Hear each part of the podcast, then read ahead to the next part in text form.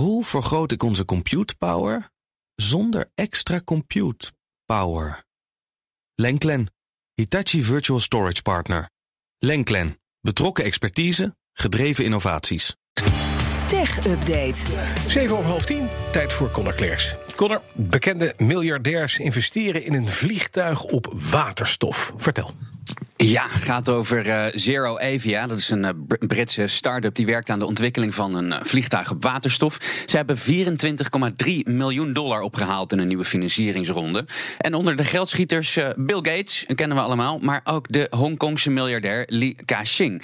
En ook Shell doet, doet mee. En met het geld gaat Zero Avia opschalen naar grotere vliegtuigen. Die zouden dan tenminste 50 passagiers moeten kunnen vervoeren. Want het grootste model wat ze nu hebben ontwikkeld passen krap 20 man in. Mm. Maar, maar Zero Avia zit in een stroomversnelling, hè? ook door deze, deze donaties.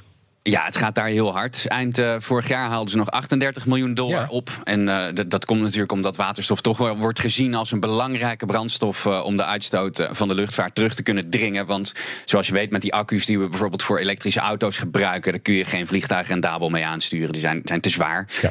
En de topman van Zero Avia die zegt dan ook dat hij besloten heeft om de ontwikkeling van de vliegtuigen te gaan versnellen vanwege het grote animo. En hij verwacht dus ook dat ze tegen het eind van het jaar nog eens 100 miljoen gaan binnenhalen. Om zo hopelijk snel tot een commercieel rendabel toestel te komen. Ja, dan vliegen we misschien op waterstof. Wel een gek idee, Kon. Ja, dat zou gaaf zijn, hè? Ja, zeker. Dan het moederbedrijf van Snapchat komt opnieuw met hardware.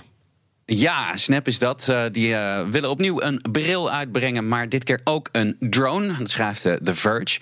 De originele bril van Snap, die vond ik heel leuk, maar commercieel was dat niet bepaald een, een, succes. Heel veel hebben ze er niet van verkocht.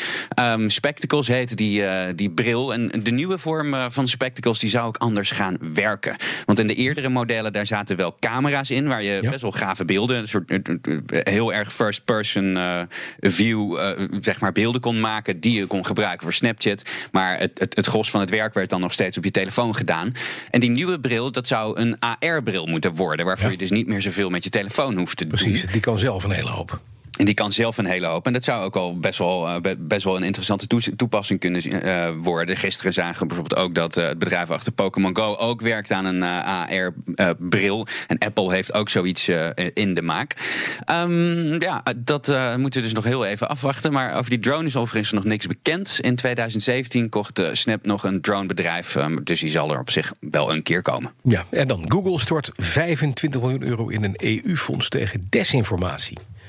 Ja, dat schrijft uh, Reuters. Ik, ik, ga er maar even vanuit dat dat klopt. Ja. Um, de European uh, Media and Information Fund, dat is een nieuw fonds uh, van de EU, krijgt 25 miljoen, zoals je zei, van Google. Dat fonds dat is vorige week gelanceerd en ja. richt zich op de strijd tegen fake news. Dat klinkt een beetje als greenwashing hè, van Google. Vind je niet? Ja, het klinkt wel een beetje als een aflaat. Hè, want de grote, ja, grote techbedrijven die staan al langer onder druk omdat ze te weinig doen aan de bestrijding van desinformatie. Voor Google is dit natuurlijk een schijntje. Maar ik denk wel dat het fonds wel blij zal zijn met die 25 miljoen euro.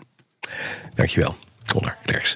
De BNR Tech Update wordt mede mogelijk gemaakt door Lenklen. Hoe vergroot ik onze compute power zonder extra compute power? Lenklen, Hitachi Virtual Storage Partner. Lenklen, betrokken expertise, gedreven innovaties.